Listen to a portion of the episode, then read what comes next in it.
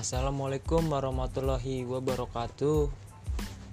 Perkenalkan, nama saya Wisnu Nugroho Pamungkas, NIM 190030354 dari Universitas Ahmad Dahlan Yogyakarta. Dalam podcast saya ini, saya akan menjelaskan tentang teori pesan. Apa sih teori pesan itu? Menurut Onok Effendi, pesan adalah suatu komponen dalam proses komunikasi berupa panduan dari pikiran dan perasaan seseorang dengan menggunakan lambang, bahasa, lambang-lambang lainnya yang disampaikan kepada orang lain.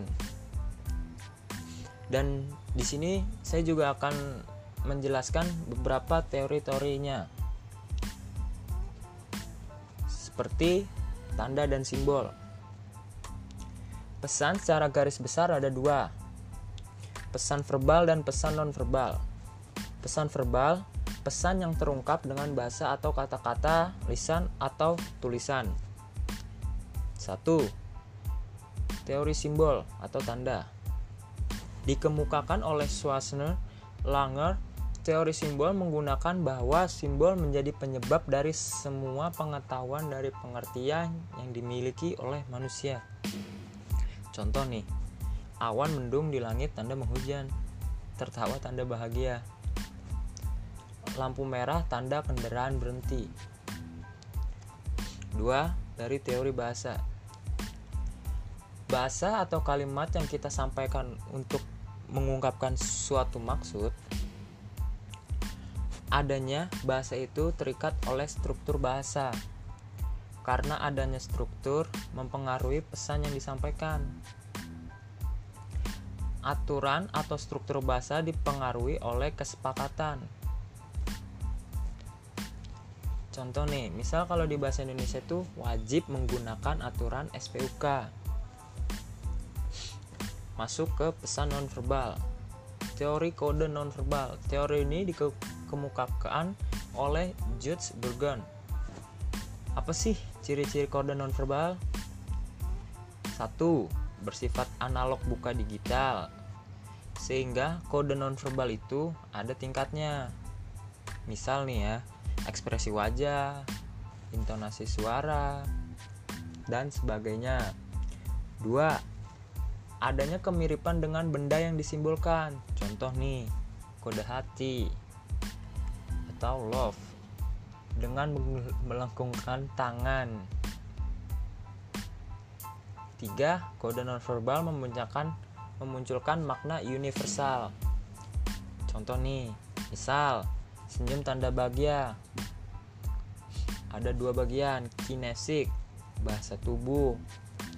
Tiga, pros eh kedua prosemik, pengaturan atau pengaturan jarak dalam berkomunikasi. Dan di sini kita masuk ke pesan melalui percakapan.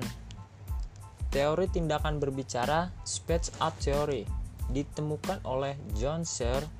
Teori ini masuk dalam paradigma sosial kultural. Teori ini membantu kita memahami bagaimana cara mencapai sesuatu dengan kata-katanya. Asumsinya dia nih, bila kita menyampaikan sesuatu baik lewat ucapan atau kalimat pasti mengandung. Satu tindakan ucapan atau utterage act dua tindakan pernyataan propositional act. Tiga tindakan ilukusioner atau ilukutionary act. Empat tindakan perso perlokusioner Contoh nih, aku mau ke toko buku sendiri.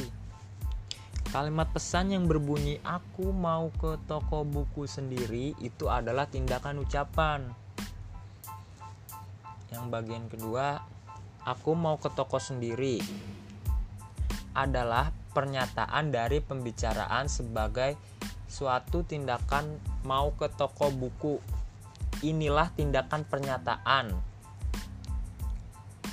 Ketiga, kalimat aku mau ke toko buku sen- aku mau ke toko buku sendiri bisa jadikan merupakan kalimat yang mengandung interpretasi yang mengajak lawan bicara untuk ikut. Dalam kurung, temani dong. Inilah tindakan ilukusioner. Maksudnya, maksud tersembunyi di balik ucapan kalimat eh maksud tersembunyi di balik ucapan atau kalimat. Yang keempat, dan bila lawan bicara penerima pesan mau ikut ke toko buku bersamanya, maka ini adalah tindakan perlokusioner. Tindakan yang dirancang untuk merubah perilaku lewat pesan yang disampaikan. Kita masuk ke topik berikutnya.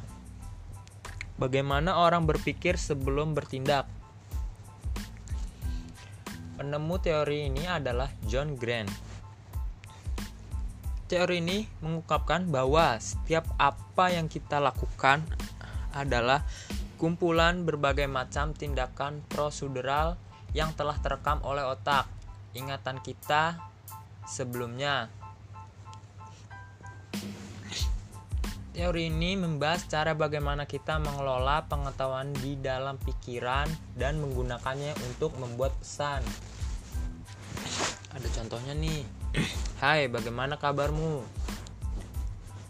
Bila seseorang mengucapkan pesan itu maka sebagai komunikator or, atau orang yang berbicara kita akan mengungkapkan hai bagaimana kabarmu?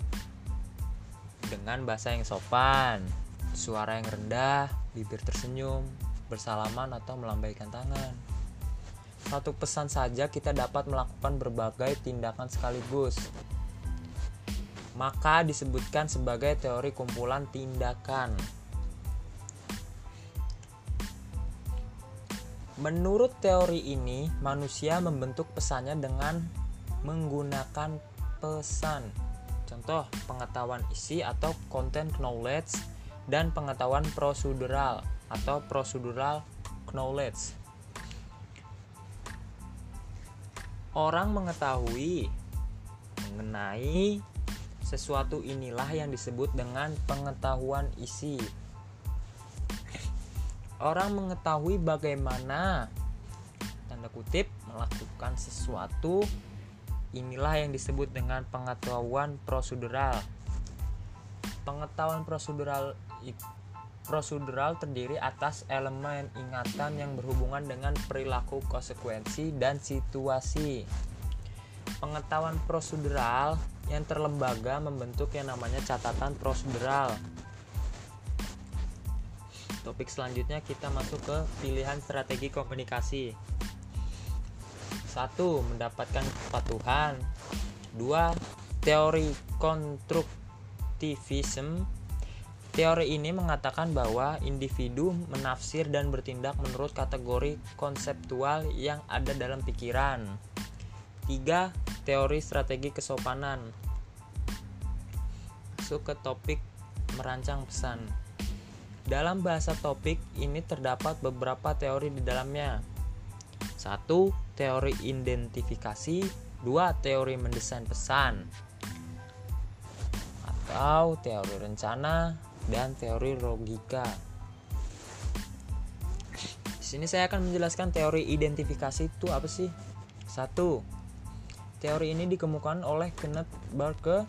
Semakin besar tingkat kesamaan manusia terhadap makna, maka semakin besar identifikasi dan karenanya dapat memperbaiki pengertian. 3. Identifikasi lebih pada persoalan derajat. 4. Menurut Bark, Terdapat tiga sumber identifikasi yang saling tumpang tindih di antara manusia, yaitu ada tiga nih, identifikasi material, idealistik, dan formal. Di sini kan eh, saya juga akan menjelaskan apa tiga itu kan, material, idealistik, formal. Yang pertama material, yaitu identifikasi yang bersumber dari barang, kepemilikan dan benda Contoh, misal beberapa orang memiliki mobil yang sama atau selera pakaian. Identifikasi idealistik apa sih? yaitu identifikasi yang berasal dari gagasan, ide, sikap, dan nilai yang sama. Contoh, identifikasi karena sesama anggota kepartaian atau pengajian. Apa sih identifikasi formal itu? Identifikasi yang berasal dari pengaturan dari suatu peristiwa yang mana sejumlah orang turut serta di dalamnya. Misal berjabat tangan antar dua orang yang saling berkenalan. Masuk ke teori mendesain pesan. Dalam teori ini membayangkan adanya suatu skenario kompleks dan melalui skenario mendesain berbagai pesan sesuai dengan situasi yang dihadapi.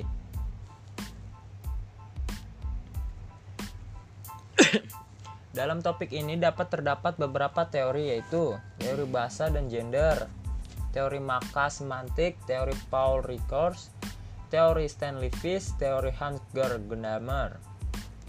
Teori bahasa dan gender. Pengalaman satu pengalaman seseorang tidak lepas dari bahasa. Dua instrumen manusia untuk melihat dunia dunia dengan bahasa. Dua, bahasa ada dua dimensi, bergender, bahasa laki-laki dan bahasa perempuan. Sayangnya bahwa bahasa bahasa secara umum dibentuk oleh gender laki-laki yang mengandung dimensi kekuasaan. Contoh Mr., Miss, dan Mrs. Kameramen, chairman, story, TKW, salon kecantikan. Dan itu sedikit dari podcast saya mengenai teori pesan itu. Mohon maafnya bila ada sedikit kata-kata yang salah atau kurang yang mengenakan. Mohon dimaklumi. Sekian dari saya. Wassalamualaikum warahmatullahi wabarakatuh